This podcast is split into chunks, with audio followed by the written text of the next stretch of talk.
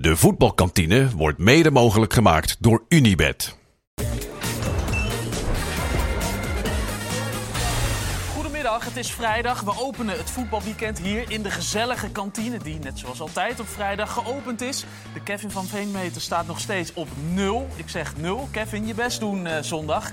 Eh, we gaan zo eh, met onze gasten gezellig bijpraten, uiteraard. Maar eerst Jordi, wat heb jij gezien wat ik gemist heb?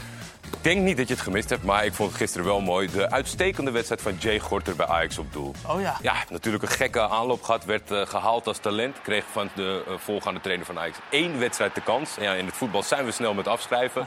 En toen ging hij naar eh, Schotland. Ook niet heel lekker uit de verf gekomen. Hebben we hem nog gesproken in de kantine toen hij daar net zat? Ja. En gisteren tegen Ludo Goretz, eh, ja, door het toch het uitvallen van Roelie... Is het, lijkt het ineens alsof hij uh, honkvast is bij Ajax ineens. Echt waar? Vind ik mooi. Zoals het gaat in het voetballeven, van zero naar hero. Ja, kan ook weer, kan ook weer meteen veranderen. Dat weet je ook wel. Zo kan het gaan. Het is net de kantine.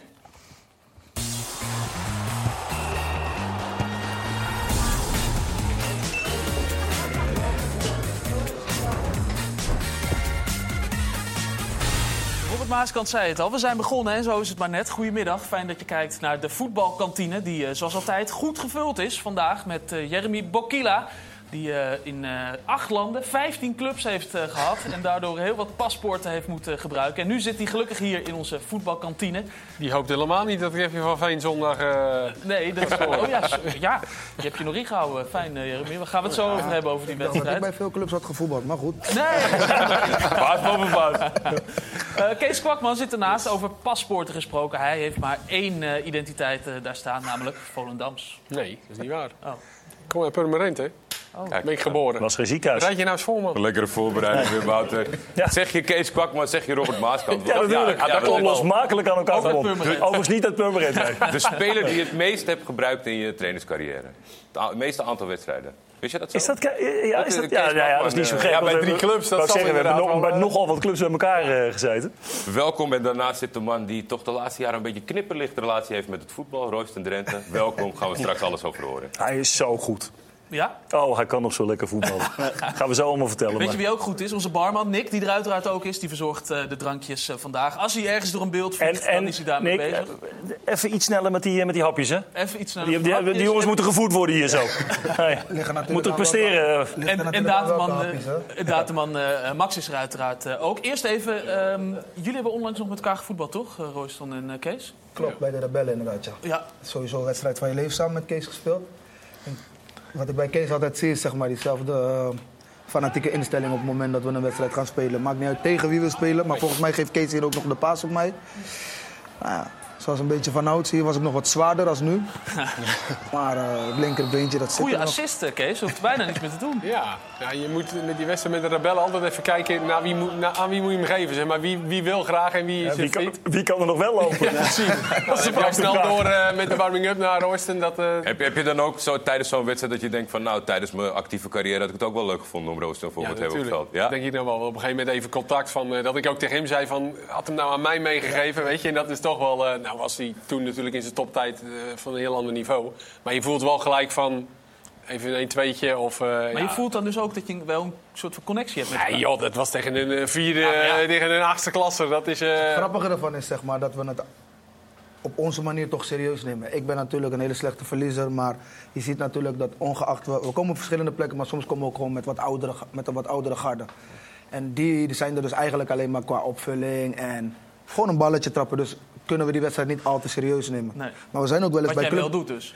Precies, maar we zijn ook wel eens bij clubs gekomen. Die weten natuurlijk dat we komen en die willen ons eigenlijk gewoon levend opeten.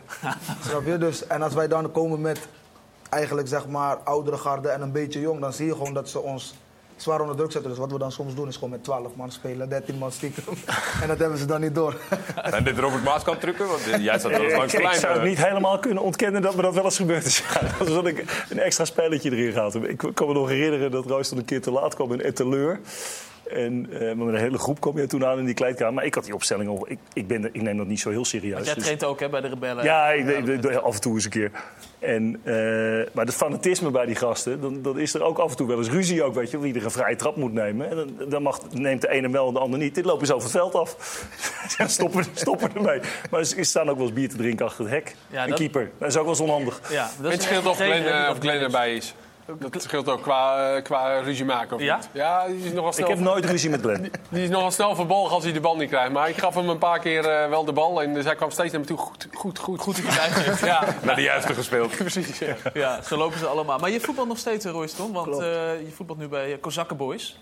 Ik sta onder contract bij Kozakken Boys. ja. Je, oh, ja. Maar je voetbalt toch ook daar, of niet? Ja. Ja, omdat je zo zegt, ik sta er op Oh nee, zo, nee, klopt, klopt, klopt, Ja. klopt. Nee, ik eh, maak zeker deel uit van de selectie. En eh, ja, morgen spelen we tegen HFC thuis. Dus eh, de competitie is weer van start gegaan. Eh ja, Kozakken Boys is voor mij, was voor mij eigenlijk natuurlijk gewoon een soort van thuiskomen. Voordat ik nog mijn laatste journey maakte naar Spanje, speelde ik al bij Kozakken Boys. En ja, het is gewoon eh, een fijn plekje om daar te zijn. Ja, dit is je eerste periode, hoor. Die Oh ja, dit is de eerste periode. Kijk, dit dit is een is behoorlijk nog eh, op snel. Ja, dat is Hoppa. Ja, maar vergis je nou niet in dat niveau, hè? Nee, nee, nee. nee, nee. Eh, hi- hier heeft eh, ook, ik denk zelfs dat eredivisieploeg het moeilijk kunnen hebben daar. Vorig seizoen in de beker, Vitesse. Nou, bijvoorbeeld. Eh, dus dat is, dat is eh, gewoon een goed niveau. En ik zou, nou, we kwamen elkaar net boven tegen. Eh, de laatste keer dat we elkaar spraken was een, bij, een, bij een wedstrijd in de, in de gevangenis in Capelle aan de IJssel. Voor het, voor het goede doel speelden we daar. Dat was ook met de rebellen. En toen was hij echt een stuk zwaarder. Dus complimenten hoe snel je, hoe snel je weer fit bent geworden. Want dat, dat kost veel moeite. kost heel veel moeite. kost heel veel moeite. Maar ja, ik zeg altijd maar weer tegen mezelf... op het moment dat ik weet dat ik zeg maar nog aan dit niveau me- wil meedoen... tweede divisie, weet ik ook wat voor energie ik erin moet stoppen. Ik moet zeggen dat het natuurlijk niet altijd even leuk is... maar uiteindelijk weet ik wel wat ik eraan heb.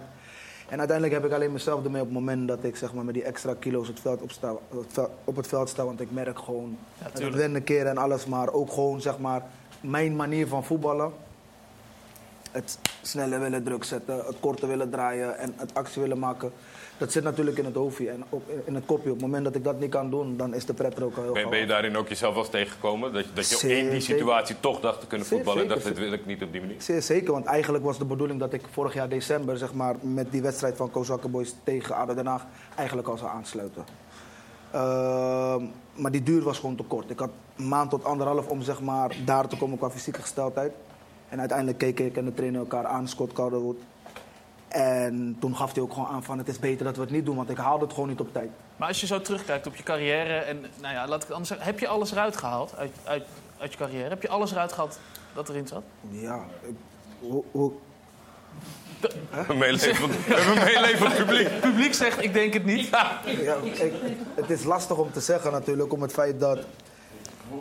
Qua levenservaring nu, waar ik sta, zeg maar, weet ik niet of ik zeg maar, het anders had gedaan dan op die toen, ik, toen ik die leeftijd had. Ik had natuurlijk een hele andere denkwijze, ik maakte impulsieve keuzes.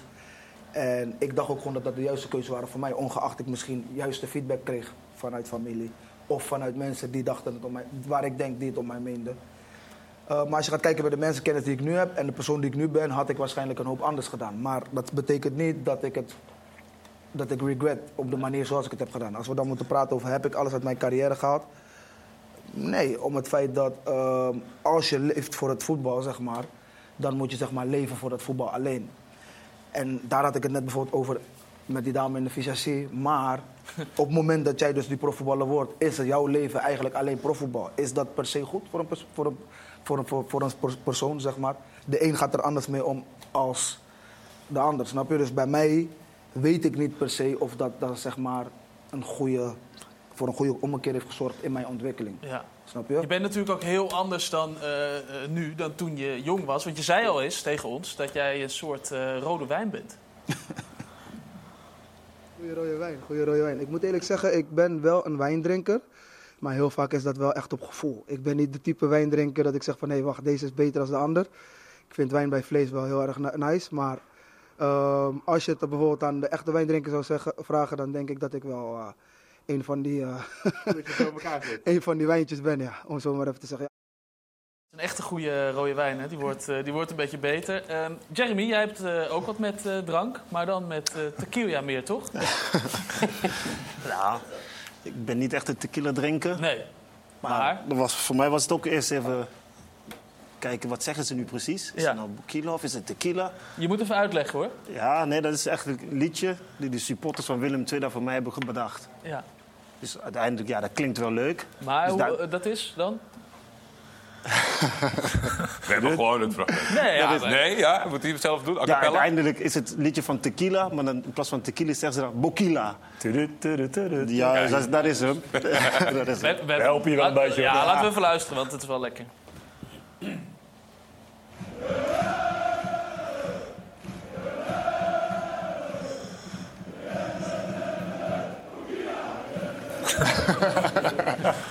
maar de, de, de eerste paar keren dan denk je inderdaad, wat, roepen ze nou? En eh, wanneer heb je dan door, oh het gaat dan van mij? Ja, dus toen ik eigenlijk Bokila hoorde, Ja. toen dacht ik van, ik- oké, het gaat over mij. Dus dan krijg je toch een soort van energie. Mhm. Dus je moet iets teruggeven aan die mensen dan. Ja, wat geef je dan terug? Een paar sprints. Nee, strijdlust. Ja? ja. Nee, en dan ga je voor elke bal ga je duel spelen. Elke duel die je gaat spelen, probeer te winnen. Dus zo krijg je die publiek achter je. ja. Had je wel eens een, een eigen liedje gehad? Ergens? Eh, nee. Nee. nee. Terwijl je best wat clubs hebt gehad. Ja, maar ik moet ook zeggen, sinds ik bij Willem II ben, heb ik echt weer die plezier terug kunnen vinden. Dus mm, overbij geweest en dan denk ik toch van, oké, ik heb toch Nederlandse voetbal gemist. Ja? Dus dan kom je hier, en dan zie je weer volle stadion, het publiek leeft. Elke thuiswedstrijd is gewoon super belangrijk, maar niet uit tegen wie je speelt. Dus dat leeft gewoon. Dus daardoor krijg je ook energie. Ja, we hebben hier een, een, een lijstje hè, van... eh, Als je naar die landen ziet, kan het natuurlijk ook dat je het niet goed hebt verstaan. eh, dat is eh, nee, nee, nee. moeilijk. Want eh, zijn er een paar landen bij... eh, Nee, maar Bokila, dat versta ik wel, hoor. Maar... Hoe, hoe ben je daar allemaal terechtgekomen? Want is er een zaakwaarnemer? Want is- je ziet heel veel Turkije, maar ik zie Terry Grosner eh, terugkomen. Ja, dat is eigenlijk heel raar gegaan. Want na mijn periode bij AGVV ben ik naar Zulte gegaan. Ja. Dus mm, soms vraag ik me af, was het wel juist de keus? Dus achteraf denk ik van nee. Want toen ik daar kwam, had ik zoiets van nee, de voetbal ligt me totaal niet. Dus Nee. uiteindelijk take je vier jaar. Maar het eerste jaar hoop je te spelen omdat je net een goed seizoen hebt gehad bij AGVV. Maar dan beland je op de bank. Nee, maar je werd in die periode werd je echt door veel clubs gevolgd ook. Hè? Ja, ja, Gewoon bij. AGOVV stak je er bovenuit. Dus het was heel interessant voor ook naar heel veel Nederlandse clubs Ja, dus daarom, hebben. ja, daarom dat ik ook zeg, ja, de beslissing heb ik een beetje ja, overhaastig gemaakt. dat je misschien in Nederland beter eh, had Ja, kunnen blijven ja, met een aanvallende voetbal. Maar dan ga, je, dan ga je naar Zulte toe. Nou, dan kom je natuurlijk ietsje internationaler, maar dat is nog steeds het buurland. Maar je hebt in zoveel verschillende landen gespeeld. Waar je niet, wat niet per se logisch is. Iedere keer weer terug naar Turkije Nee. natuurlijk. Nee, dat is waar. Dus na Zulte kwam Roemenië in één keer. Dus ik had ook bij Sparta een goed seizoen gedraaid. Dus Ja. kwam Roemenië. Dus ik had zoiets van... Dus ik ging met mijn ouders dan even zitten. Ik zei, ja, ik heb een aanbieding in Roemenië. Wat ga jij in Roemenië doen, zegt mijn vader. Ik zei, ja, ik weet het niet. Hij gewoon geduld, komt wel iets weer op je pad. Want ik stond nog onder contract bij Zulte. Maar door die hebberig... Want ik wou gewoon weer voetbal. Ik dacht bij mezelf, weet je wat? Als ik naar die land ga, dan kan, ook al gaat het verkeerd, dan kan ik niemand de schuld geven. Dus uiteindelijk neem ik die beslissing zelf. Dus uiteindelijk heb ik toch gedaan om vijf uur s'nachts gewoon naar de vliegveld te gaan. Dus ik belde mijn ouders pas toen ik geland was. Ik zei, ja, ik ben toch naar Roemenië gegaan. En deed je dat dan met, vaste zaken, met een vaste zaakwaarnemer die je op dat moment had? Of met een Ehm, ja, er zijn heel veel zaakwaarnemers op mijn pad gegaan. Als een jongen spelen, dan ga je, ja, op een gegeven moment ga je iedereen geloven. Binder, binder. Dus dan dan ga je, ja, dan ga iedereen geloven. Ik snap je. Dus eh, ja, zeker, rond die, zaakwaarnemer. zeker rond die leeftijd ook. Ja, precies. Dus je wist niet... Alles klinkt heel Ja, interessant. heel interessant, precies. Nou, zouden jullie, zouden jullie, want jullie hebben allebei een, een waanzinnig mooie carrière. Jij, jij speelt natuurlijk nog, en jij- trouwens jij ook. Eh, zouden jullie jongere spelers daarin willen adviseren? Dat je zegt van, joh, blijf nou eens bij één zaakwaarnemer. Zoek iemand die je, die je echt goed kent. Ik zal u eerlijk zeggen, Rob. ehm, tuurlijk wil ik mijn ervaring heel graag delen. Maar ik weet niet per se of dat hetgene is waar mijn ambitie ligt. Maar ik zou er nooit vies voor zijn om eventueel mijn ervaring te delen met iemand die daar vraag naar heeft. Als er nu een jonge speler naar je toe zou komen die zou zeggen... Royston, eh, zou je alsjeblieft mij willen uitleggen wat jij misschien... Dat zal ik altijd doen. Daar zou ik ook altijd voor openstaan. En onbewust doe ik dat ook wel, zeg maar, om me heen. En ehm, ja, wat ik zie, ik bedoel, van mijn eigen zoon voetbalt ook, mijn neefjes voetballen ook. Dus je bent er onbewust zeker mee bezig. En wat betreft het zaken, ik bedoel van, ik wil helemaal niet uitwijken naar dat stukje. Maar uiteindelijk weet ik ook uit welke tokens het kan komen vanuit, ehm, je, eigen, vanuit je eigen kunnen, vanuit je eigen familie kunnen. En als iemand daar gewoon kaas van heeft gevreten, ja, ik zou zeggen, doe het met iemand waar je zeker vertrouwen in hebt en waar je 100% van weet, die jou zeg maar niet. eh, ja, Belazerd. Maar we hebben, we hebben het net over een situatie waarin zeg maar, even een stapje dichter bij jezelf is natuurlijk je ouders. En als je zeg maar, jezelf al niet kan temperen om die beslissing uit te stellen. Ik ben wel benieuwd, hoe was dat gesprek? Want jij belt ineens op met een ander toontje vanuit Roemenië. Ja, dus je, je bent er al. Ja, er kan niks meer verkeerd gaan. Je bent er al geland. Dus mijn vader zei alleen... Oké, je hebt de beslissing gemaakt. Maar geef wel 100%. Dus dat is eigenlijk wat in mijn hoofd is ooit blijven hangen. Maar dan weet ik nog wel toen ik moest kiezen tussen school of AGVV. Dus mijn moeder wil per se dat ik voor school kies, koos. Maar ik had zoiets van, ja... Ik wil toch meedoen met de voorbereiding. Dus uiteindelijk mijn vader zei, laat die jongen gewoon voetballen. Dus mijn moeder die zei, beloof, beloof me wel één ding. Dat je me niet teleur, ja, teleur zult stellen. Dus met de beslissing die je met de keuze om Ja, voor het voetbal precies. te gaan. Omdat ik puur voor voetbal koos. En zei wel puur dat ik voor school koos. Dus uiteindelijk heeft voetbal goed uitgepakt. Dus Ja. met die mindset ben ik ook elke keer blijven Altijd de doorgaan. drive Ja, geweest precies. gedurende je Heeft, carrière. heeft ze het ook wel eens tegen je gezegd? Van, nou, je hebt me inderdaad niet eh teleurgesteld. Ja, tuurlijk. Behalve Roemenië. Dat je Nee, nee.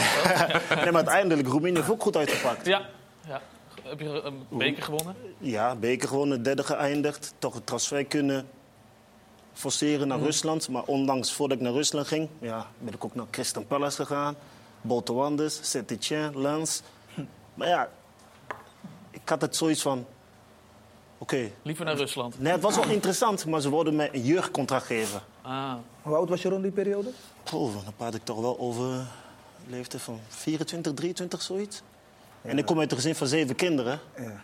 Dus ik dacht bij mezelf, ah, Dat is dan ook iets wat meespeelt. Ja, precies. Je Maar hebt ook wel eens gezegd, eh, Ja, Jeremy, van... eh, eh, ik kom uit een gezin met zeven kinderen, maar als ik het goed heb, hebben ze het allemaal goed. Nee, precies. Dus heb je vandaar- daar ook wel keuzes op gemaakt? Ja, basis ja, dat speelt ook, ja, dat speelt ook een rol. Hè. Dus heb ik, toen kwam Rusland. Het was gelijk, hé, hey, dat is een interessante. Trainen jullie toen met Terren nog daar of zaten jullie toen al in Moskou? Nee, dat is het nu juist het grappigste van. Ik, moest, ik ging tekenen, maar ik dacht van, oké. Ze nemen me mee naar Moskou. Ik dacht van, oké, hier zitten we. Hier zit de basis van de club. Nee. Nee, ik denk het niet.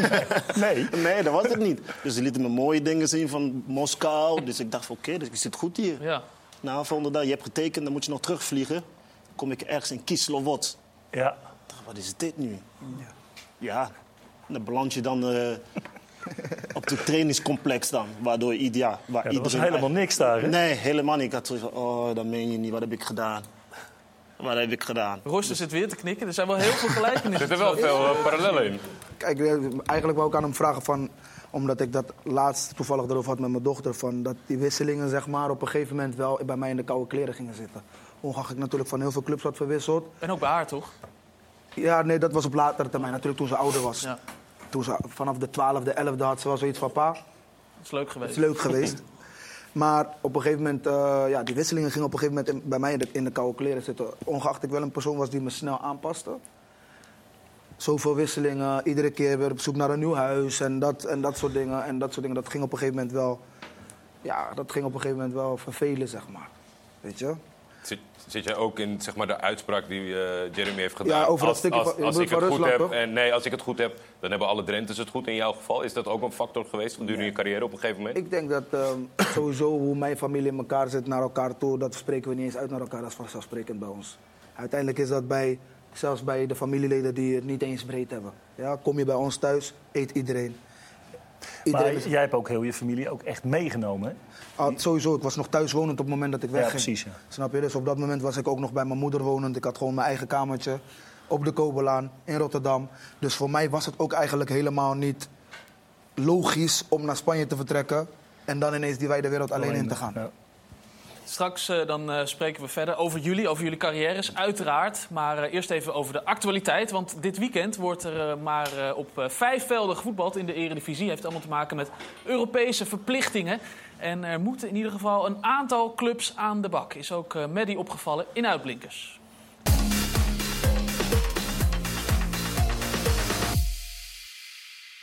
Het is pas speelronde 3, maar in Nijmegen, Utrecht, Waalwijk, Zwolle, Volendam en Almere gaan de alarmbellen alweer luiden. Want de teller staat nog op nul. Het is gewoon schandalig. Ja, doe toch even rustig allemaal. We zijn pas twee wedstrijden onderweg en nog geen enkele selectie is compleet. Dus ik richt me nu even tot alle beleidsmakers en supporters die in paniek zijn. En luister goed naar deze wijze woorden.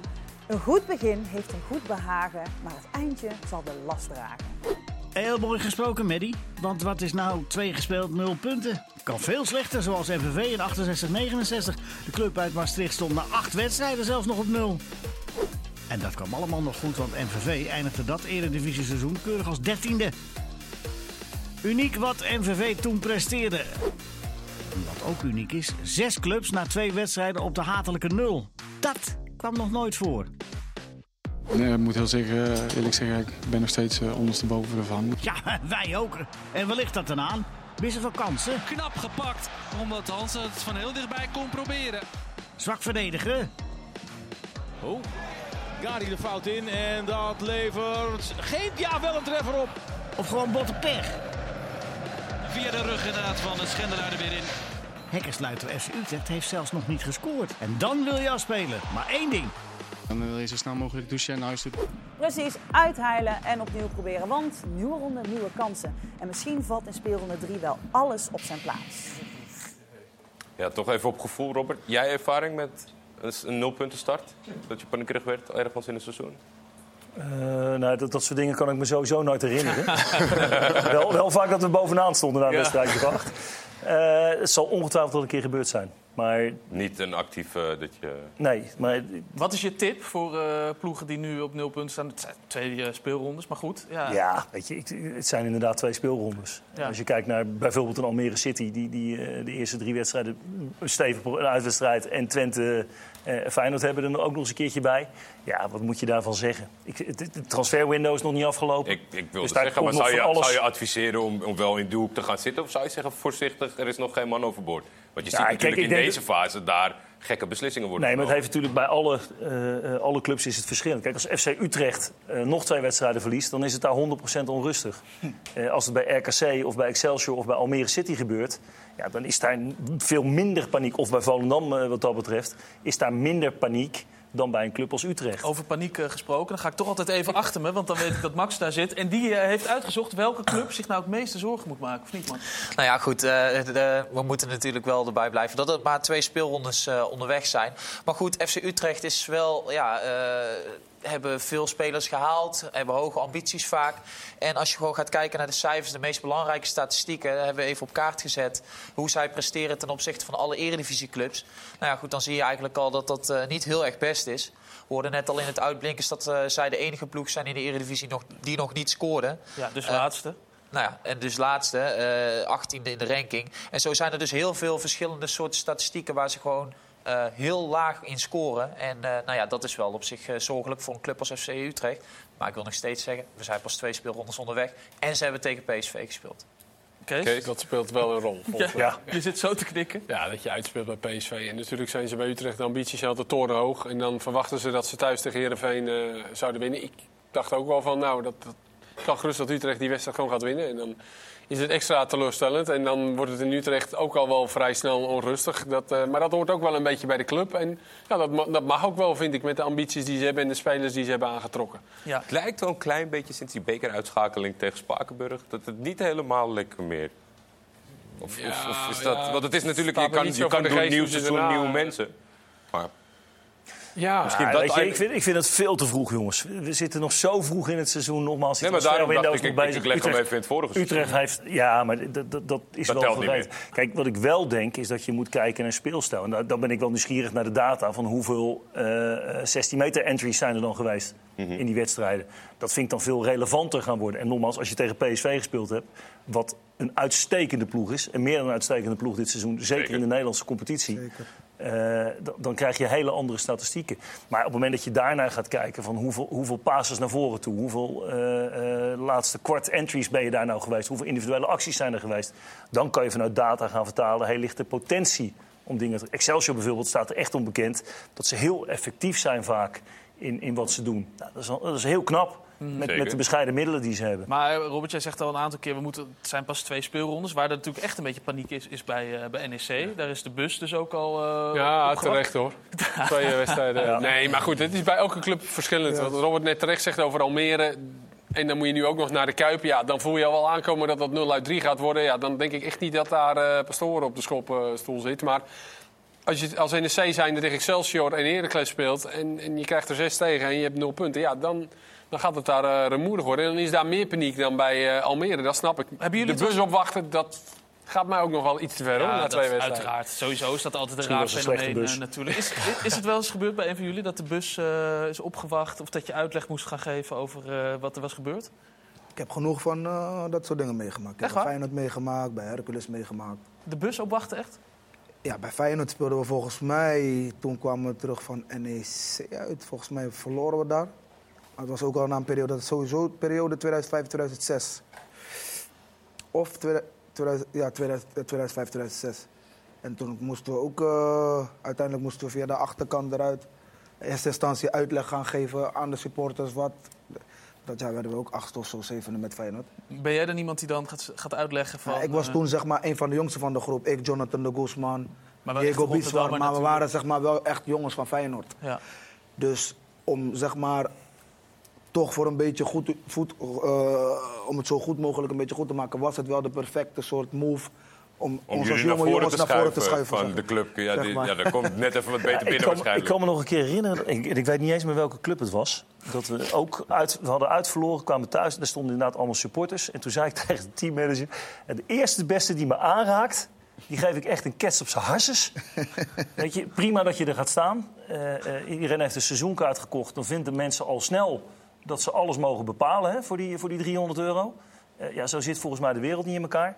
Maar als je mensen gaat aanraken, weet je, als het echt fysiek gaat worden, dan, dan ga je zoveel grenzen over. Ja. Dat ik daar ook van zei, en dat is ook niet goed te praten, hè, want je moet nooit in geweld eh, gaan zoeken. Nee. Maar daar kan ik heel slecht tegen. Maar hoe was dat in China bijvoorbeeld? Wacht even hoor, wat komen we zo op Oh. terug? Want je hebt het over mensen een kets op de neus eh, Oh. geven. Voor ons staat Leo Oldenburg al een half uur klaar eh, bij Eindhoven NAC Breda. En die begint inmiddels ook agressief te worden. Wat een lekkere brug ook. Het is een vak, Leo. Hè, dat zie je op maar een neus geven en dan nog, naar mij komen. nog één Wat verhaal dit? van Maaskant en ik grijp in. Ja.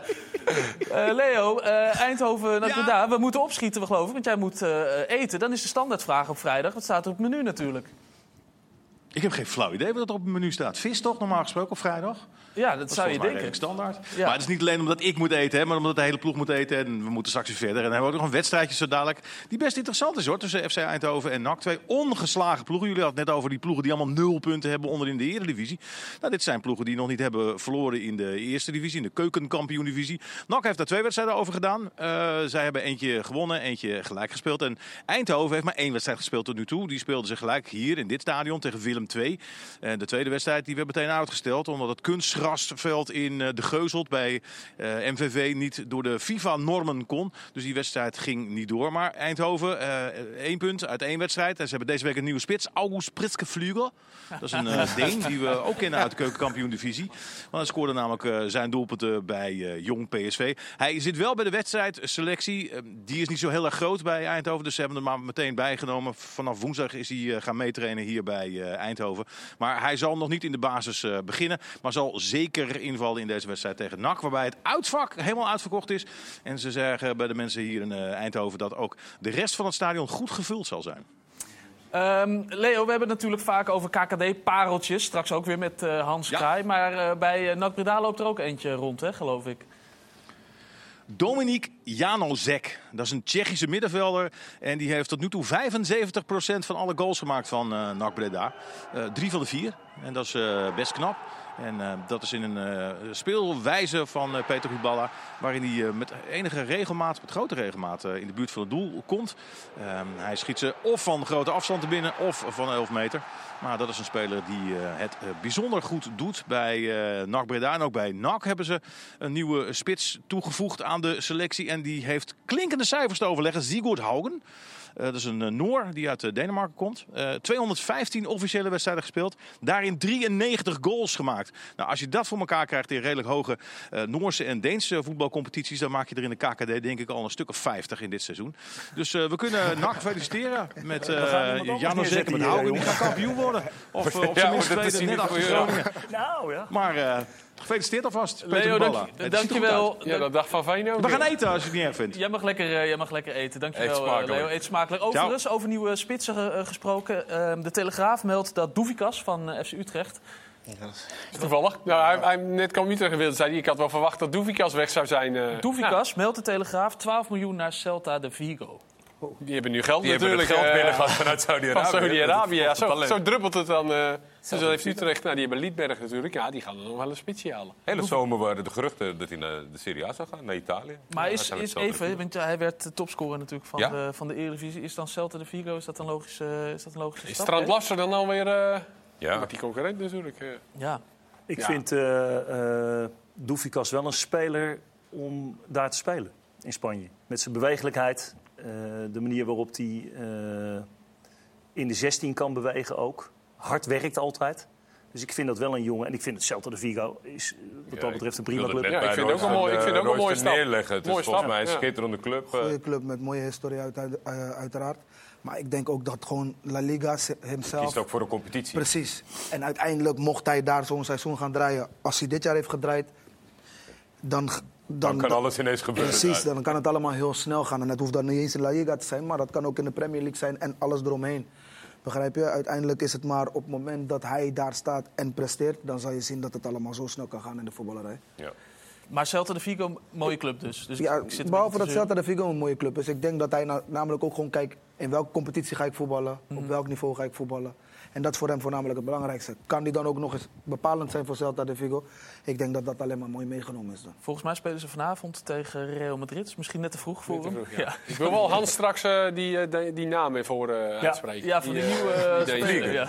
Ja. Ja, dat deed Leo wel erg uh, Ja, dat deed hij wel heel erg eh, Scandinavisch, ja. Ook Feyenoord heeft een, eh, een nieuwe speler. Ehm Luka Ivanusec is eh, ze naar het schijnt echt binnen. En Arne Slot had het eh, op de persconferentie ook even over.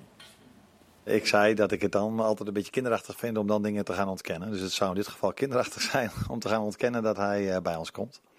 Alhoewel hij natuurlijk nog even door de medische keuring moet. Maar eh, aangezien hij gisteravond nog gespeeld heeft, lijkt het me zeer aannemelijk dat hij goedgekeurd wordt. Ja, hoe heb je gisteren naar hem gekeken? Of heb je niet gekeken? Ik heb daar niet naar gekeken, nee. nee, nee. Daar moet je een illegaal kastje voor hebben en die heb ik uiteraard niet. Tenminste niet als ik in Zwolle ben. Oh, hier wel, in Rotterdam. Rotterdam wel. Ja, wat voor type speler is het? Het is een speler die eh, vanaf de linkerkant denk ik het beste tot zijn recht komt, maar ook prima vanaf 10 eh, kan spelen. Althans, bij zijn vorige club kwam hij met name vanaf de linkerkant het beste tot zijn recht. In het huidige elftal zullen we dat weer overnieuw moeten gaan bepalen. Kan dus op twee posities eh, denk ik prima uit de voeten. Creatieve speler die een goal kan maken. Dus ehm, die denk ik ook vrij aardig is. En als hij de bal tussen de linies ontvangt, om dan eh, niet, niet als hij opendraait verrast te zijn doordat er iemand tegen hem aanknalt. Maar dat hij dat al wel gezien heeft, dat hij een snelle combinatie op kan zetten. Dat hij weet wanneer hij door moet draaien. En dat is wel handig als je naar een elftal gaat wat eh, zoveel balbezit heeft rondom de 16 van de tegenstander. En je in kleine ruimtes moet gaan spelen. Dus we denken met hem een speler te hebben aangetrokken die goed is in de kleine ruimte. En daar de juiste keuzes kan maken. Ik hoop het. Ik vind het wel mooi trouwens. Ik, ik hoor Arne dat nu zeggen. Hè, over, eh, eh, ook onze analisten doen dat veel, over die tussen de linies spelen. Maar ik, ik heb de afgelopen weken ben ik veel in Spanje geweest. En dan zit je naar het Spaanse voetbal te kijken. Eh, ruimte tussen de linies. Zeker als er wat sterkere ploegen tegen de kleinere ploegen spelen. Die is er gewoon echt helemaal niet. Weet je wel, dan heb je het over tussen. Bij ons staat Het er valt nog- niet tussen de linies te spelen. daar valt echt niet tussen de linies te spelen. Dan moet het echt heel vaak van, van of heel hoog baltempo of een individuele actie komen. Maar zoals we het in Nederland eh 18, soms wel 15 meter tussen linies laten liggen, op en rond de niet. 16, dat zie je daar gewoon Nou, absoluut Sparta niet vorige week. Sparta deed dat wel echt goed. Ja, die, maar, die spelen, maar die halen daardoor ook heel veel resultaten Ja. in Nederland. Ja, Dus het is heel compact spelen. verdedigend wel heel goed. Maar alsnog zijn er natuurlijk wel af en toe momenten. En dan is denk ik hij wel iemand die het verschil kan maken. Want Ali Nee, Reza kan dat niet goed. Paxao nog niet echt. En dan kan hij dat denk ik wel heel goed. Hij heeft een geweldig schot, die, eh die Vanusek. Eh, Deze competitie ook. Als je zijn doelpunten ziet. Ja. Binnenkant vreef, hard. eh, allemaal vanuit een uitstekende speler. is een goede speler, ja. En, ehm Royce, ik hoor jou zeggen, ik hoop het. Is Feyenoord toch nog wel echt jouw, eh, eh, jouw, jouw club dan? Als je het zo zegt van, ik, ik hoop dat hij het goed gaat doen. Dat is niks nieuws, toch? Ik bedoel, van... Eens een Feyenoord had, dat zal, dat zal altijd blijven natuurlijk. En in mijn geval, ik kom echt, echt uit de jeugd van Feyenoord. dus mijn basis en mijn voetbalkennis en hetgene wat ik heb gepresteerd in de voetbal... komt natuurlijk vanuit de opleiding van Feyenoord. Dus Ja. dat is iets wat je natuurlijk levenslang meeneemt. En uiteindelijk dat Feyenoord hart groeit in de loop der Ga jaren. je, ga je ook een fontein in bij eh, kampioenschap? Ik, ik, ik ben wel eens. De Ben je, een fontein- sta- ben je een stadionbezoeker als het past? Natuurlijk, Niet, tijdens je eh, carrière was niet- lastig, even, maar... Dat is niet voor jou, hè? Nee, bitterballen ik ook vandaag. Ik heb ook echt, gewoon- Nee, ook, gewoon, ook eh, geen maar trek. ik help- ik help je wel. Ik help je wel, hoor. Nee, ik ook ben een stadionbezoeker op zijn tijd. moet ook Ik ben voetballen. Nee, iemand die wel vrij druk voor is, bezig is. dat is ook hetgene wat me het beste ligt, om zo maar even te zeggen. Maar ik ben zeker wel eens in de Kuip te bevinden. Ja. Maar Feyenoord, ook al kijk ik de wedstrijden zeg maar niet... Ik hoef niet per se voor de buis te gaan zitten. Om zeg maar dat Feyenoord gevoel Nee, nee, nee. te hypen, nee, zeg dat, maar. Begrijp je wat ik bedoel? niet eh, aan te wakkeren. Live score, hup, oké, we hebben gewonnen. Ket. Dag is weer goed. je weet wel. Heel goed. Zometeen eh, dan gaan we het hebben over jullie buitenlandse avonturen. We hoorden het net al, Jeremy heeft overal gespeeld. Royston heeft natuurlijk ook het een en ander eh, meegemaakt. Van trainers die over bidons heen schopten tot eh, nou ja, bijzondere avonturen in het buitenland. Alles komt voorbij. En Royston gaat voor ons zijn beste elf medespelers ooit aller tijden in zijn hele leven opschrijven. Dus eh, dat allemaal straks. Heel graag. Mijn dreamteam, mijn dreamteam, Je toch? dreamteam, zo kan je het ook zeggen. Ja. Ja, ja, ja. Gewoon waar ik van... En. Welkom terug in de voetbalkantine. We hadden het net al over de transfers van de afgelopen dagen. Doefikas net dus vertrokken naar Celta de Vigo. Ivanovic die gaat naar eh, Feyenoord. Maar mijn ja, lievelingstransfer van deze week, kan ik toch eigenlijk wel zeggen, is die van Esme Brugs. Zij ging van PSV en eh, zij komt terecht bij de Champions League winnaar bij de vrouwen, namelijk Barcelona. En uiteraard is ze daar heel blij mee. Hot today, but uh, yeah, it's a dream coming true. It's such a proud moment to realize I am joining this club, so I'm so happy and proud of myself. It's a very big prize, and I would like, I would love to uh, win it. And uh, uh, yeah, this club uh, managed to do that twice in, in three years. It's in, insane. It's not normal. Uh, hopefully, we can win a lot of more trophies when I'm also here. I would love to experience that. Ja, Esme Brugs die gaat dus eh, naar eh, de winnaar van de Champions Was League. zij nou transfervrij? Ja. Maar hoe kan dat dan? Wilde PSV, eh, of heeft ze zelf niet bijgetekend? Ze wilde zelf niet meer bijtekenen op een Oké. gegeven moment. En toen eh, kon ze Ja, als je er dan twee in de kruising schiet op WK, Ja. dan Ja, nee, maar ik, ik, is niet verkeerd. Ik had- bij haar kreeg ik oprecht het idee dat zij de clubs voor het uitkiezen had. Dat het overal terecht kon. Was dat in jouw tijd met de stap naar Real, was dat ook zo? Of was gewoon Real stellig, maar niet... Of kon je, kon je, Oh, nee. lag er een catalogus klaar? Of was het Real gewoon die dat moment, was? op dat moment dat ik het EK zo had geschitterd, het EK onder de 21, lag er inderdaad een catalogus klaar. Ik had echt een keuze tussen de 10 en 16 clubs. En het was echt, voor mij was het echt iets nieuws, omdat ik was natuurlijk alleen Feyenoord gewend. Maar ik kreeg op een gegeven moment ook de grootste mensen aan de telefoon. En de grootste, ba ja, de te grootste baas aan de het telefoon. serieus. En dat soort dingen. Dus dat was voor mij wel nu dat op een gegeven moment mijn zaakwaarnemer van toen wel moest aangeven van weet je, mocht je gebeld worden, verwijs het door. Ga jij gewoon vakantie vieren, want anders loopt het echt de spijt. Blijf er ook dan maar even bij met je koppie. Hè? Als je, Ja. eh, was je 20 Ik of jonger toen nog? 19 nog, Als je ja. 19 bent. Iedereen belt je even. Ja, dus maar ze moesten wel een flinke transfersom eh, voor je betalen Ik uiteindelijk. had net bijgetekend weer bij Feyenoord Ja. inderdaad. En ehm, ja, dat was nog wel een dingetje, eventjes op het moment. Tuurlijk wist Feyenoord natuurlijk wel dat ze me gingen loslaten, maar ze gingen natuurlijk niet, eh, het Niet allemaal zomaar. eventjes laten gebeuren. Dus En je hebt nog steeds een witte overhemd aan, maar is er, is er één, zat er één club bij die 16 dat je dacht van... ah, je, of, mijn keuze voor Real Madrid, ehm, want in mijn familie waren heel veel Barça-fans. Zeker de tijd van Ronaldinho en dat soort gekkigheid. Als bij wedstrijden bij mijn ooms en dat soort... pff, Barça, Barça, Barça. Maar mijn stiefvader, toen de tijd, was echt altijd een Ronaldo-fan. En op dat moment, zeg maar, die keuze was wel heel erg toegewijd naar dat. Maar er zat eh, bijvoorbeeld Chelsea tussen. Maar Mourinho wou hem op dat moment kopen. Maar dan een jaar verhuren aan Feyenoord. En op dat moment in mijn hoofd zat er gewoon van... Ja, als ik ervoor kies om weg te gaan, dan wil ik ook meteen gelijk bij die club gaan voetballen. De stap is de stap. Niet Barça, ik heb met Laporta aan, ta- aan- aan de telefoon heel veel gezeten.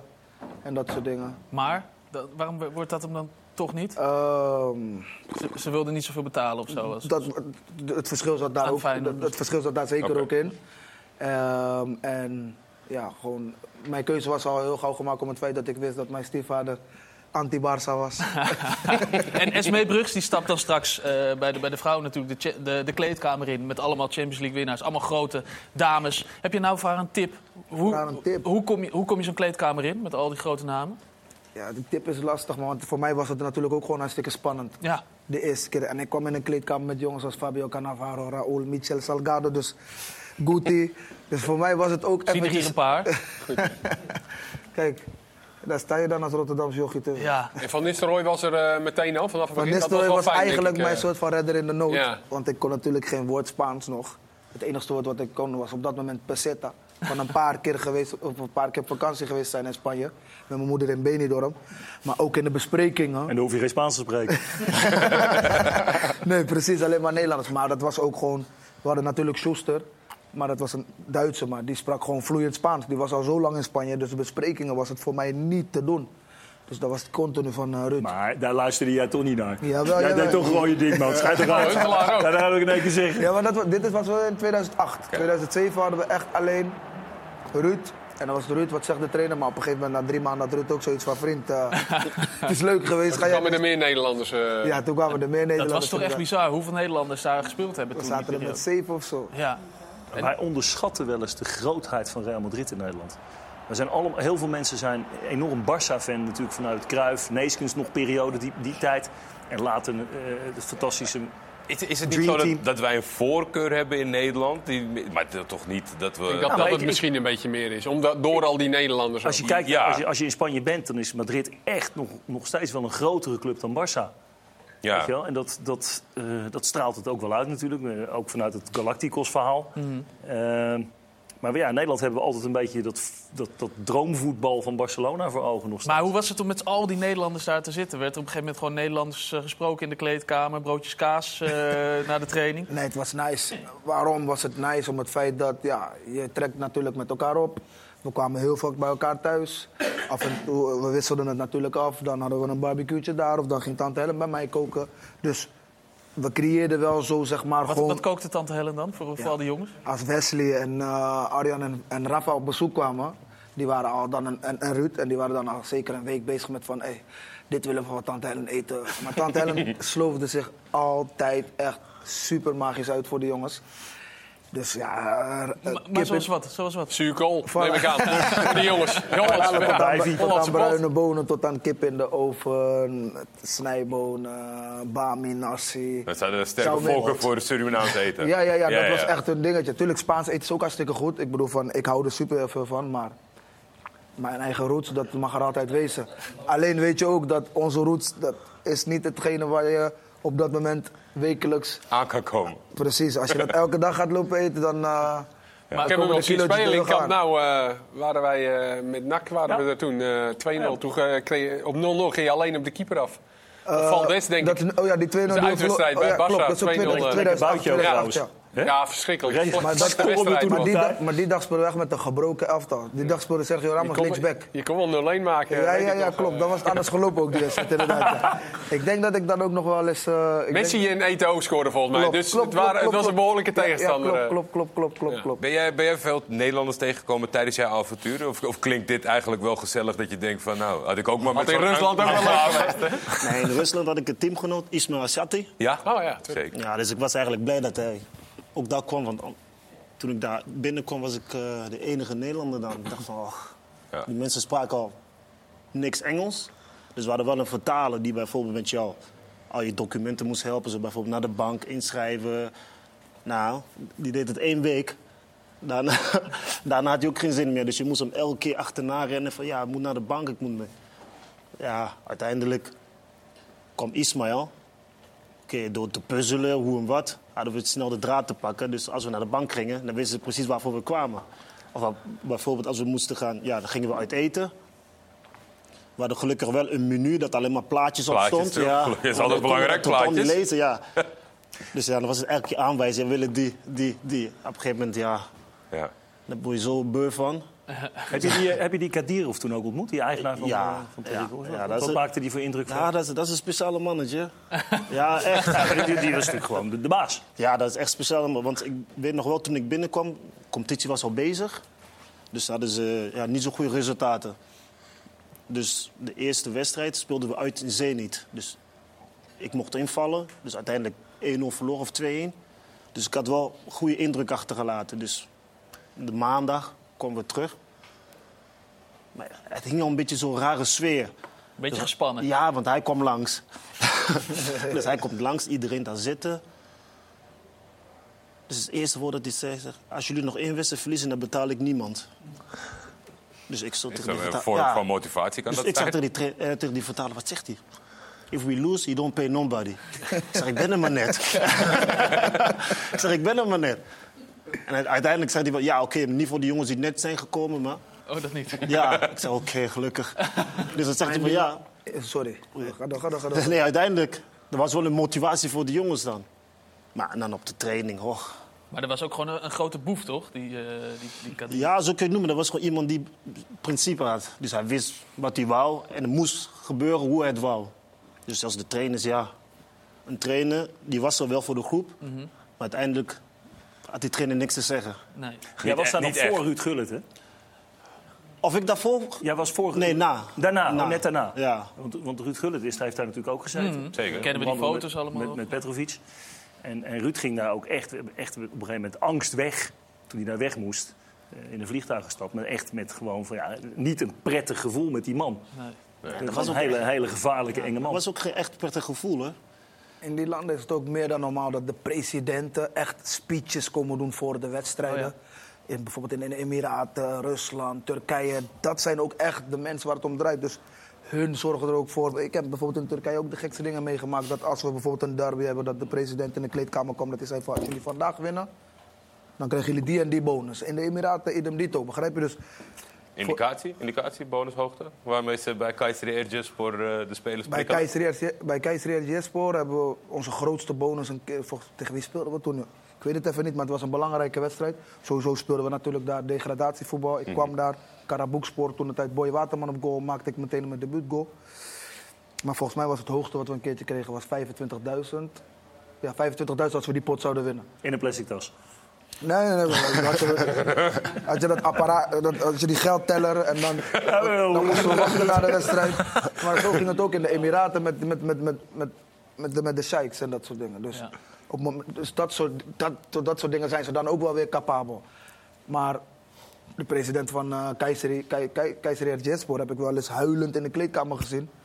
Na een gewonnen wedstrijd. Dat was zo emotioneel voor die man. Maar ik wist, voor mij is winnen heel belangrijk. Maar ik wist niet waarom het zeg maar, zo emo Voor hem nog meer. Juist. Ja. Begrijp je? Want ik ben nat- natuurlijk gewoon een winnaar. Ik wil ook elke wedstrijd winnen. En ik heb ook wel eens na zo'n wedstrijd gezeten dat ik, dat ik met tranen in mijn ogen zat van...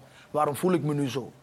Emotievol gewoon van, hé, hey, deze wedstrijd had ik, had, willen, had ik willen winnen. Maar dat soort dingen maakt hij dus mee met dat soort mensen. Met, met dat Maar soort hoe, mensen. hoe, hoe werkt dat voor de voetballer, Jeremy? Want zeg maar ook eh, zo'n motivatie, ik denk dat kan je maar één keer doen. In, in dat zo'n werkt soort- heel goed, hoor. Werkt dat goed?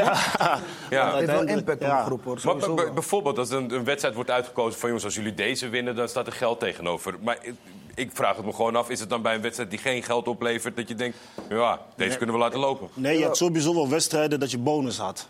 Maar bijvoorbeeld, ik weet nog wel, bij Akisa speelden we tegen Feyenoord thuis.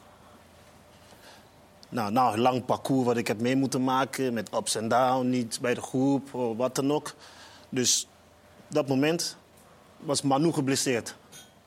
Dus ja, ik mocht weer terugkomen in de selectie. Dus ik mocht de drie, de afgelopen drie wedstrijden mocht ik meedoen. Dus dat was eh eh Malatje uit, kom ik erin, scoorde ik 1-1. Dus mocht ik de beker meedoen, dus scoorde ik twee keer. Dus ik zat er lekker in. Dus Goeie flow. Ja, dus Feyenoord thuis mocht ik starten.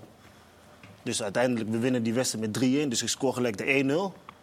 Dat is Ja, indrukwekkend voor de mensen wat nee, context. ik, nee, maar ik de zat, top echt, eh, ik zat op dat moment echt lekker in. Dus uiteindelijk, dan win je die wedstrijd met 3-1. Dat is de volgende dinsdag, jongens. Hier envelop. Bonus, 13.000, 13.000. Maar was dat, dan, dat was dan van tevoren afgesproken, toch? Meestal, Ja, ja, meestal in ja, Turkije wordt dat van tevoren afgesproken. Tegen de grote clubs staat er dus een extra soort bonus op. Dus meestal in de meeste gevallen win je die wedstrijd niet. Dus ze willen proberen die extra boost in de groep te krijgen van... Hey, als we die wedstrijd kunnen winnen, krijgen jullie er nog, krijgen jullie er nog zeg maar, een bonus op. Dus dan win je hier in die, Nederland is dat bijvoorbeeld helemaal niet normaal. Waar, waar vonden jullie het leukste voetballen? Want jullie hebben in allerlei verschillende culturen gevoetbald. Waar vond je het het lekkerste voetballen? Voordat ik uit Spanje vertrok, dacht ik dat ehm, ik Spanje zo erg ging missen.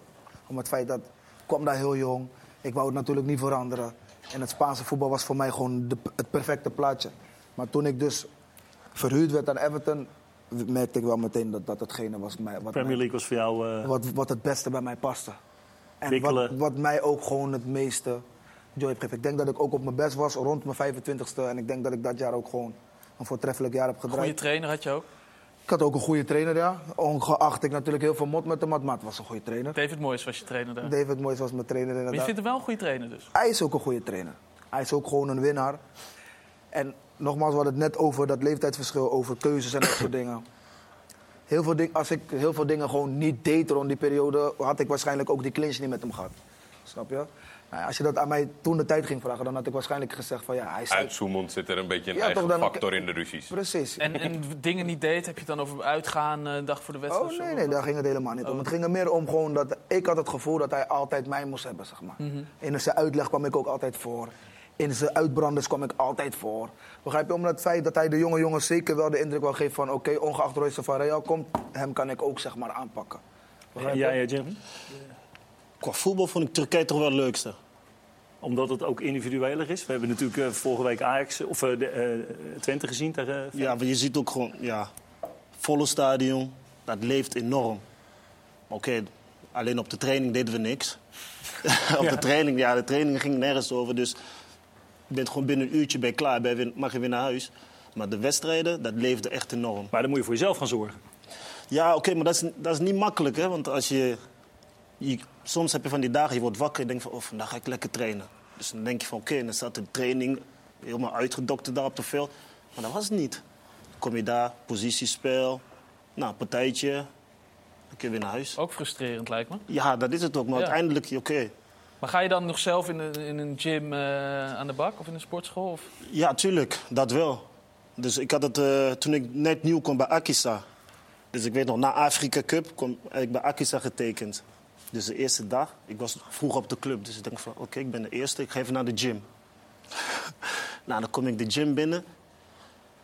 Moest je alles afstoffen. Nee, ik, ik, ik kom de gym binnen, ik zie gewoon die trainer, die, die zit daar gewoon met die push-ups te doen. Die was echt bezig. Ik denk van, wow. Oké, dus met deze trainer, dat is, dat is ook niet echt 100. Nee. Ja, die was echt die, aan het bank drukken. Dus ja, dan ga je daar, oké, dan ga je op de fiets. En dan denk je van, oké, eerste training met het team. Lekker training. Nou, dat werd hem niet hoor. Rondjes lopen, acht kilometer. En dat was het echt, dat was de training van vandaag, hè. Iedereen moest acht kilometer lopen. Of nou... dat doen wij niet aan, jongens. Ja, dus... Alleen het balletje telt. Ja, dat is Kees, je hebt nog bij mij nog nooit ja, hoeven ja, lopen, ja, toch? Ja, jij deed ook loopjes. Die, eh, in de voorbereiding, die... eh, Ja, maar Zeker. voorbereiding maar is dat, dat, ik, Voorbereiding is altijd ja, maar dat vond Maar ik we alleen hebben dus goed. hier aan tafel Kees en eh, Robert die elkaar altijd samenwerkten. Want Robert was als trainer altijd nam je Kees. Maar jij had ook zo'n trainer, toch? Die jou overal mee naartoe nam. Ja, Cosmic Contra. Die Oud ik- AC Milan voetballer? Ja. Die kennen we allemaal als voetballer, maar ik heb als, Ja, als trainer helemaal geen Madrid. beeld. Ja, Atletico. En, Ja, eh, dat was een winnaar, hè. Cosmin Contra, rechtsback, Roemeens. Cosmin En, Contra. en die nam jou overal eh, mee naartoe? Ja, dus en, die- en met su- succes toch ook wel? Dat wel, dat wel, want we hadden groot succes behaald met Petrolu. Dus Ja. dat was ja, eigenlijk een klein club in Roemenië. Petrolul Ploiesti. Ja, dat was nog in de... Zo? Ja, papi kon er nog wat van. Kijk, aan de kamertje alles. huh? Ja, en maar, ja, Ook druk, hè? Kijk eens Ja. even, Kijk beker. even, helemaal vol. Dit is de Roemeense beker. ja, dit is de Roemeense beker. Dus dit hebben we behaald tegen Cluj nog in finale. Ja, dat is een van de grootste clubs, toch? Ja, Ja, is grote club kijk, dat- en dat leefde gewoon, hè. Dat is niet normaal. En, en die contra, die, die zat er ook bovenop, toch? Wel, Ja, die zat er bovenop. Hij- Dat is een trainer, die was, was echt een winnaar. Dus op een gegeven moment was een verdediger, ja, die dekte niet goed, waardoor een goal uitkwam in de rust van de 1-0 achter. Nou, die had een prullenbak daar neergezet. Hij zei, hoe kan jij nou als een verdediger in mijn team zo verdedigen? Die speler loopt daar, dus hij loopt, kijkt naar die prullenbak, hij gooit een tackle. ja, en dan heb ik het liever dat je dat zo doet, dan dat je hem zo laat scoren. Nu zijn 1-0 achter. Uiteindelijk wisten we die wedstrijd wel te winnen met 3-1. Maar hij heeft zijn statement wel gemaakt. Ja. door op die prullenbak te tackelen. Ja, door, ja. ik heb liever dat je zo tackelt en dan dat je hem zo laat doorlopen. Dus dat was een duidelijke boodschap. En vervolgens, ja, die verdediger die, die dekte kot, hè. Dus daardoor hadden we veel wedstrijden kunnen winnen, want hij wist precies wat hij uit de spelen moest halen. En die prullenbak die, eh, die lag in tweeën. nee, dat niet. Dat niet. Nee, maar uiteindelijk heeft hij me, ja, want hij heeft het hele team zeg maar, om mij heen gebouwd. Want ik wist precies wanneer een middenveld de bal had, hoe het moest gaan lopen. Dus hij zegt, hij zegt gewoon tegen mij, ik, heb, ik wil dat je je energie be- besteedt in diep gaan, echt rond de 16. Dus, en dat pakte eigenlijk goed uit. Want we hadden al een nummer 6 die alle ballen recupereerde, alles veroverde. Dus hij zei, ik hoef je dat niet te hebben. Dus daardoor hadden we ook ja, die beker kunnen winnen. Dus hij heeft het toch wel goed gedaan met het team. Toch wel belangrijk dan uiteindelijk een trainer, ook voor je carrière. Eh Roos, jij hebt wel eens gezegd dat je Erwin Koeman een betere trainer vond dan eh, José Mourinho. Ehm, nee, ik heb, voor mij, eh, aan mij is gevraagd ehm, wie ik een van de beste trainers zeg maar, gedurende mijn carrière vind. Mhm. Nou ja, op basis van, ik ben eh, bij het eerste gekomen van Feyenoord toen Erwin Koeman daar trainer was. Dus dat heeft hij meteen al zo goed gezien. Nou, niet per se. Het is meer dat, dat het geduld die hij met me had, zeg maar. En ehm, de manier van aanpak, zeg maar. Ik ben natuurlijk als jonge speler bij meerdere clubs geweest. En dan zag je dat bepaalde trainers, zeg maar, die, die, die, die visie, zeg maar, niet hadden. Ehm, om het feit dat ze zoiets hadden van, oké, je bent hier al, dus nu moet je gewoon presteren. Want anders is het voor jou daar de deur en een andere weg. En hij had Kan, iets meer maar kan, kan het profiel Erwin Koeman bij een Real Madrid? Dus zeg maar hoe hij die invulling, de tijdsbesteding... Ehm, Dat is natuurlijk, want er zitten ook wat lastig- andere jongens in de kleedkamer. is lastig te zeggen, inderdaad. Maar als, op basis van hoe hij met mij is omgegaan... Gewoon En- voor jou persoonlijk. Ja, voor mij persoonlijk is dat een van de beste trainers die ik heb gehad in mijn carrière. Ja, heel goed, eh eh, Royce. Dit is in je tijd bij, eh, bij Feyenoord. Ja, dat flitste er nog wel eh, langs. Klopt het nou dat je niet hebt gescoord voor Feyenoord? In de competitie nee. Nee. Kijk, alles laat, paal. Ja. Ik zat ook niet mee. Toch wel Nee, kansen. Je was er wel vaak eh, in de buurt. Rossi, je had het al over je, misschien wel je beste trainer, Erwin eh, Koeman. We hebben jou gevraagd om je beste elftal te maken met spelers waarmee je samen hebt eh, gespeeld. Ja. En eh, dat wilde je doen. Dank daarvoor alvast. Wil je dat op het bord? We hebben een heel trainersbord hebben we voor je. Ja, dat is eh, super. De Dream. Team. En kunnen we jouw eh, eh, Dream Team inderdaad heel goed, eh, eh, Robert, dat kunnen we dan even eh, zien. En we horen ook graag waarom je diegene de, Ja, hebt dat is gekozen. goed. Nou ja, dan beginnen we met goal. Ja, Nou, daar sta je ook niet. Casillas. Ja. ja. Iker Casillas. Dat, die teen die heeft er niet voor gezorgd eh, bij Robben dat je, hem, dat je hem niet hebt gekozen? Sorry? Die, die redding in de... De verloren Oh, WK-finale. Ehm, nee, maar ik was er wel heel doodziek van. Ongeacht, ik was er natuurlijk niet bij, maar ik weet nog precies waar we die wedstrijd toen de tijd hebben gekeken. Maar De heel- reden waarom ik voor Iker kies, is om het feit dat Iker was in mijn ogen, en zeer zeker toen ik bij, bij, bij, bij Real kwam, op de lijn was hij voortreffelijk. Wij speelden heel veel koffiemolen en dat soort dingen. Ook daar was hij heel, heel, heel goed in. Wat speelden jullie? Koffiemolen. Ken je dat? Voorzet, voorzet en En afwerking. dan heb je een koppel, en mijn koppel was toen de tijd altijd. Higuain. En dan moet je voorgeven. En dan moet je het vanuit de lucht, strak tegen het net. Of maar in ieder geval, de bal moet vanuit de lucht in één keer afgewerkt worden. en dan heb je dus een punt. Maar Goed Iker duo. was ook echt super belachelijk op de lijn. Ja. Dus vandaar. Maar aan de, voet, aan de voet kon het wat beter. Maar als ik dan moet kiezen voor een keeper, dan kies ik voor Iker. verbeterpuntje voor Ja. Iker. Ja. Dan ga ik naar de rechtsbackpositie. ja. Dat is waarschijnlijk voor een paar een onbekende. Maar ik zal uitleggen waarom ik voor hem heb gekozen. Tony Hibbert. Tony Hibbert. Ja. Ik denk Tony Hibbert de was... thuis eh, die niet Bij, aankomen. bij Everton mee Ja. gespeeld? Ja, Tony, Tony Hibbert heb ik bij, bij Everton gevoetbald. Bij Everton was ik voornamelijk op de rechtsbuitenpositie, linksbuitenpositie, teampositie. Maar Tony was in mijn ogen de perfecte werker.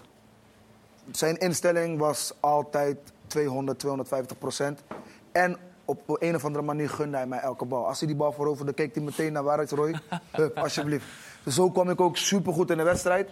En voor mij was dit ook qua één op één, was altijd super focus. Op het moment dat de linksbuiten, ongeacht hij wist, misschien dit is een van de beste linksbuiters, wist hij op een of andere manier zichzelf, zichzelf En af. hij heeft dat heel lang volgehouden. Hè? Want Super volgens lang. mij is hij... Want de eh, tijd dat ik naar Everton kwam, was hij volgens mij al 36, 37. En nog Was hij zo... had ik eh, het gevoel van deze guy is volgens mij over vier jaar nog steeds bij Everton. Nou kom jij Kees, denk ik hoor. Eh, ik denk het niet. Tony Hibbert, geweldig. Kan ook Ramos zijn, maar ik snap, ik begrijp de twijfels. Het is altijd een beetje de een of de ander. Hè? Ja, ja, ja. bij nee, ik- bij te koppen. ja, ik snap het wel. Ja, daar is hij al. Ja. Ja. Rechts centraal Sergio Ramos. Ja. Nou ja, ik heb natuurlijk heel veel joy aan Sergio gehad. Ik en Sergio schelen niet heel veel in leeftijd, maar de manier waarop hij stond, waarop hij, hij erop stond in 2007 al. Pff, En dan in de loop der jaren Real Madrid. Ja, dat is eigenlijk. eh ja, knap. vallen geen. Heeft geen ja, uitleg nodig. Heeft verder geen uitleg Nee, nodig. precies. Ramos, snappen we Snap je? allemaal. Ja. Sorry, Kees. ja, Ja, kijk. ook Peppe. Zo, ook zo een. Heel mooi. Het valt mij wel op dat je een beetje van, van eh, de, de, de... Ja, misschien omdat ja, het nee. verdediging is, maar nee, je, hebt gelijk, je hebt gelijk, je hebt gelijk. Dat is ook mijn, wat ik net al aangaf. Mijn manier van voetballen Ja. is power. Is power, erin kletsen. Pippe, daarentegen, ja, als je naar hem kijkt, heb je al zoiets van, wow. die speel ik liever niet tegen. maar dit was ook een type speler dat... Hij had geen ontzag voor niemand. Ook niet op de training, ook als jongens uit de tweede kwamen. Soms hebben we wel zoiets van, oké, de jongens zijn wat jonger. Hij ging dwars door iedereen heen. Ook op de training. Ook op de training. Sergio Ramos, idem dito, die was natuurlijk wat jonger. Maar die had diezelfde soort mentaliteit als Pepe. en deal. daarom denk ik dat als je kijkt... En ik kan er oprecht van genieten als ik nu naar Porto kijk... en hem nog steeds in het centrum zie staan. Ja. Dat, dat is voor mij gewoon echt eh, de bevestiging dat hij een van de beste was. Toen En, en linksback sta je zelf, eh, lijkt me. Nee, op Oh. de linksbackpositie... staat op 10. Ergens met het bandje op moet hij... eh Baines, ja, die was ook goed. Leighton Baines, ook van eh, Everton. Ook eh, van Everton, inderdaad. ja. Met die indrukwekkende bakkenbaarden had hij altijd, vond ik. Precies, precies. Nee, Leighton was voor mij een van de compleetste linksbacks waar ik ooit in mijn leven mee heb gevoetbald. Waarom? Perfecte trap. Heel, heel goed inzicht. Wist het juiste moment op te komen. En ook op het moment dat ik linksbuiten speelde, was het ook een type die mij heel veel de bal gunde. Maar ook gewoon, ja, Je, kon je, je kan je wel een beetje in jouw elftal voetballen, merk ik. ja precies. Als je de bal maar een Ik- rooster ik- geeft. Dit is ook gewoon op basis van wat ik denk. Dat voor mij gewoon de beste voetballers rondom me heen waren Ja. op dat moment. En ook op dat moment presteerden ze ook gewoon hartstikke goed. Leighton, Tony Hibbert waren gewoon spelers die wekelijk, week in, week uit speelden onder Moyes. Ja. Daar was ook gewoon geen twijfel aan mogelijk. Heb je jezelf in het elftal gezet? Nee, nee, nee. Dit is gewoon mijn dreamteam waar Oké, ik van denk... ja, heel goed. Roystander werd in mijn oren gefluisterd of je het hele middenveld er in één keer op. Wij goed. hangen allemaal je lippen, maar eh, achter de schermen eh, moet het tempo op. Blinde paniek. Het is blinde paniek, het gaat niet goed. Lassana Diarra. Ja, ik ben wel heel nieuwsgierig, want er staan natuurlijk een aantal gasten op, op, op waar die mee op de foto net alleen al stond. Ja. Dat is echt niet, daar kan je bijna niet uit kiezen. Zo goed zijn die. En tot nu toe weinig Nederlandse inbreng. Dus, Ja, dat is Nou, kijk eens eventjes. ja. Lassana Diarra, Snyder en Guti. Guti. Ja. Dit is mijn middenveld. Nou ja, dit is een van de, eh, de jongen, dit, zijn de jongens waar ik super veel joy heb gehad aan mijn tijd bij Real. Ongeacht ik misschien op de bank zat, ongeacht ik misschien zelf speelde. Dit was een van, de mot- een van de gekste motors die ik ooit heb gezien. Die ook nog trucjes kon op het middenveld. Die ook nog eens een man kon passeren. En ook nog een scorend vermogen had. Dit is de beste speler waar ik ooit mee heb gevoetbald in mijn leven. De dingen die ik van die man heb gezien. Binnen het veld, buiten het veld. Die hakassist is Ja, ja. natuurlijk... eh, ja. Ik, eh, deze man, echt, alles ging met links, maar dat was echt een joy om naar te kijken. Nou ja, Sneijder in zijn tijd bij mij, bij Real, was het allemaal zo constant, zo duidelijk, zo snel aangepast aan bijvoorbeeld een Guti en een Lassana. Die, Guti had al heel gauw door van deze man kan ik op zoveel manieren gebruiken, precies de juiste paas en die afronding was altijd super. Ga ik nu mijn voorhoede eventjes... eh, Ja. Klap ze erop. Robinho. Ook wel een... eh, Heb je daarmee gevoetbald, eh, Jeremy? Robinho? Tegen. Oh, tegen. Ja. Ik denk dat we het voor de rebellen niet zo slecht zouden doen. inderdaad. Nee, dat is een mooi elftal, hoor. Cristiano en Robben. Cristiano en Robben, ja. Ja, kijk, eh Arjan Robben was voor mij altijd, eh, zeker in die periode en zeker in de periode bij Real. Hij ging natuurlijk naar Bayern München, maar dat was natuurlijk omdat Florentino Perez kwam terug. En het moesten zeg maar spelers weg, waaronder Wesley ook de dupe van was. Maar ze hadden zo'n goed seizoen gedraaid. Ik heb hem... Ik, ik help je heel eventjes. Welke wil, je welke wil je op de bank van dit groepie?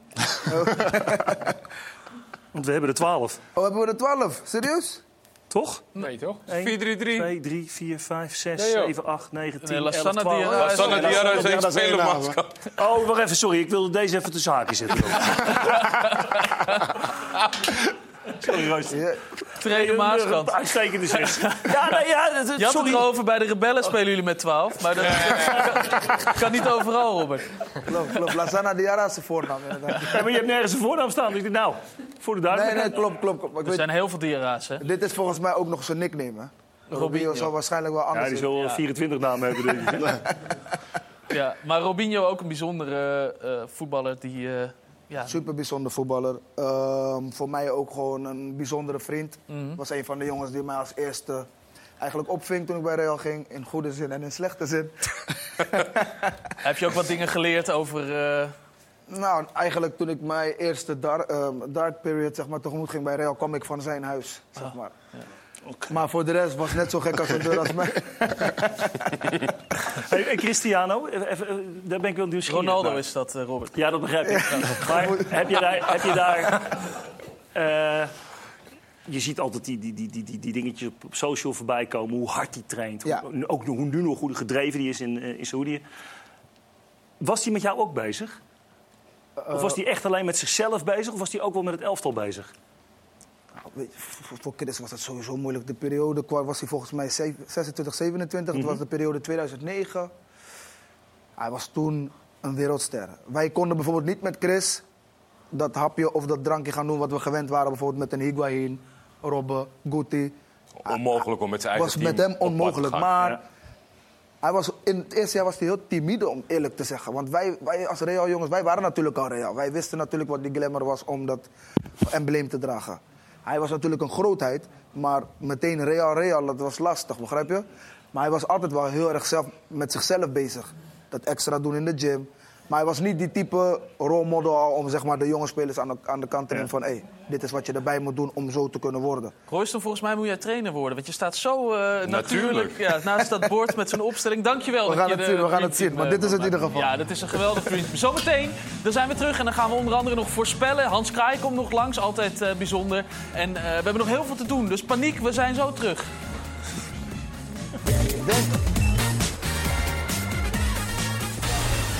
Welkom terug in de voetbalkantine, waar zojuist eh, heet nieuws komt uit eh Werkendam, uh, Royston. Eh, Heet nieuws? Heet Heet nieuws. nieuws. Het, het, het nieuws is heet. Kozakken Boys meldt zelf.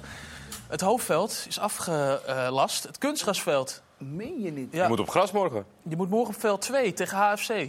Meen je niet, joh. Is, dat ook, is het ook zo slecht? Nou, ik moet zeggen dat ehm, we hebben op dit moment wel eh, een paar plekken in het kunstgras dat je bij jezelf denkt van hé, nee, niet. laat me het zo zeggen. Het, het ligt er nog wel goed bij, de nieuwe korrels zitten erin, maar het gaat natuurlijk om bepaalde stukken die eruit liggen. Royston Drenthe morgen op veld 2 in Werkendam te We zien. hebben vorige week ook op veld gespeeld. Eh, op, op veld gespeeld tegen Rijnsburgse boys. Was ook gras. Op veld 2. Oh nee. Nee, je moet Maar- morgen op veld 2, hè? Dat is nog niet eens zeker. hè. Waarschijnlijk gaan we. Kijk, of- hoofdveld of- afgekeurd. Meen je niet, joh. Ja. Dat is competitie. maar dat is competitie. Competi- Ja, maar ja, dan kan je toch niet zomaar op veld 2. Nee, nee, we gaan waarschijnlijk bij Altena of bij eh, een van die andere clubs eh, op het hoofdveld spelen. Nou goed, we houden het in de gaten, want eh, het Maar dit is wel een dompertje, want gisteren hadden we, nog, eh, gisteren hadden we het er nog over. En toen zeiden ze van waarschijnlijk wordt het veld gewoon goedgekeurd. Nou, nee hoor. Dit, is eh, wel, eh, dit, eh, dit, dit lees ik niet Het graag. hakt erin. Ja. Afgekeur, afgekeurd veld, zo kan het, eh, zo kan het gaan bij... eh, MVV ook, bij hè? Nee, is ook echt verschrikkelijk. Jongens, we gaan naar het, eh, we gaan naar het eh, scherm.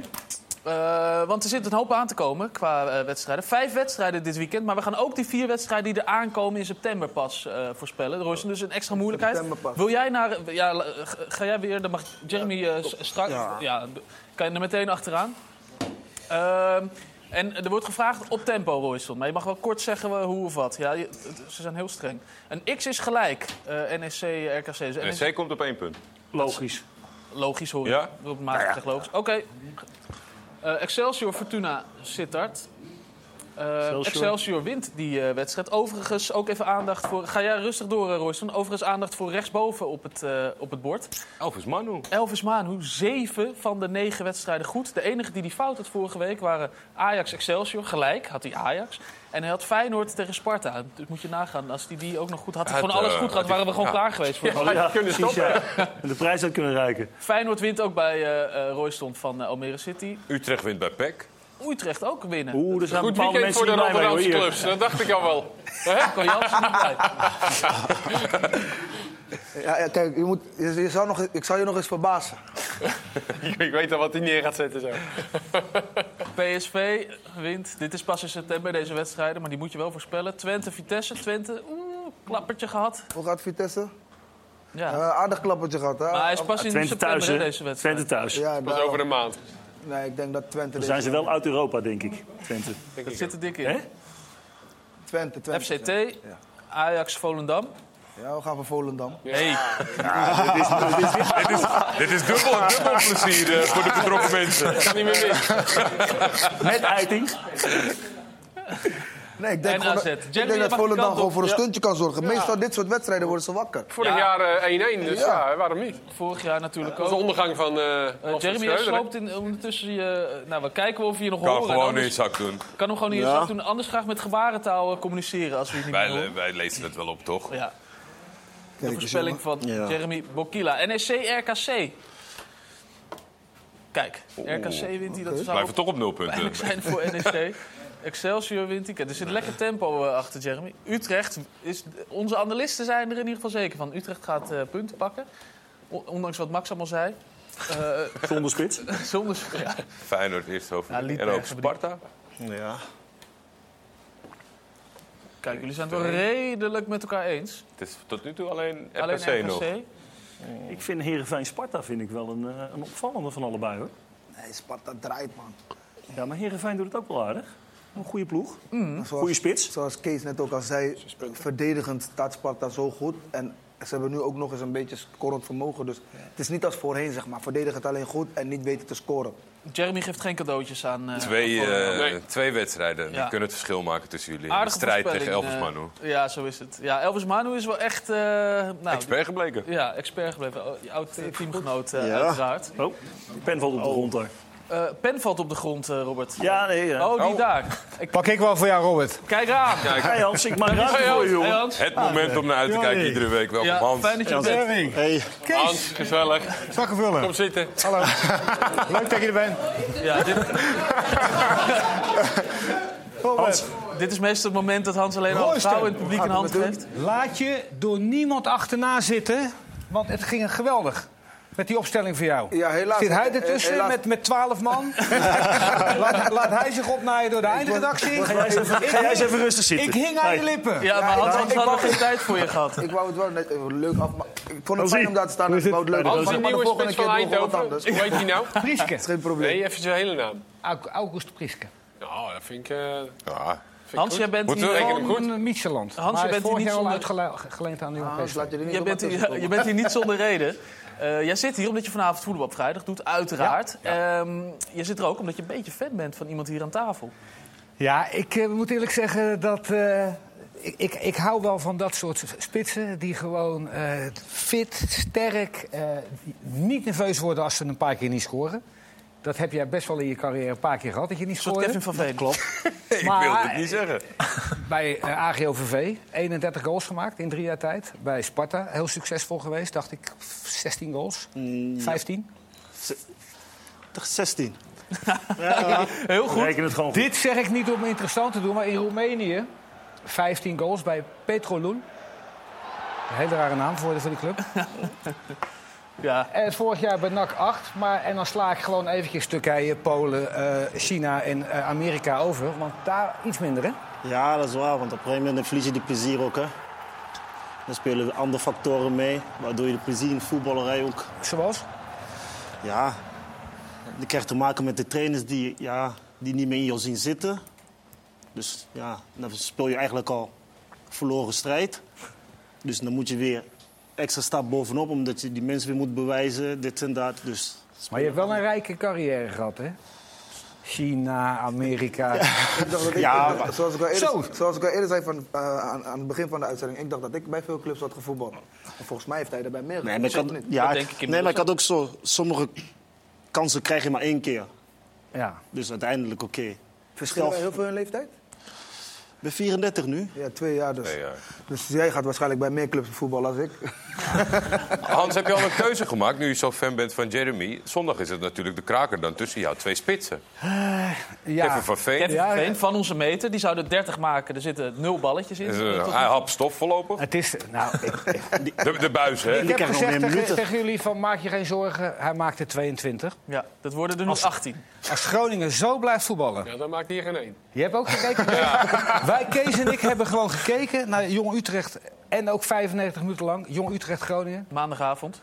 Verschrikkelijk.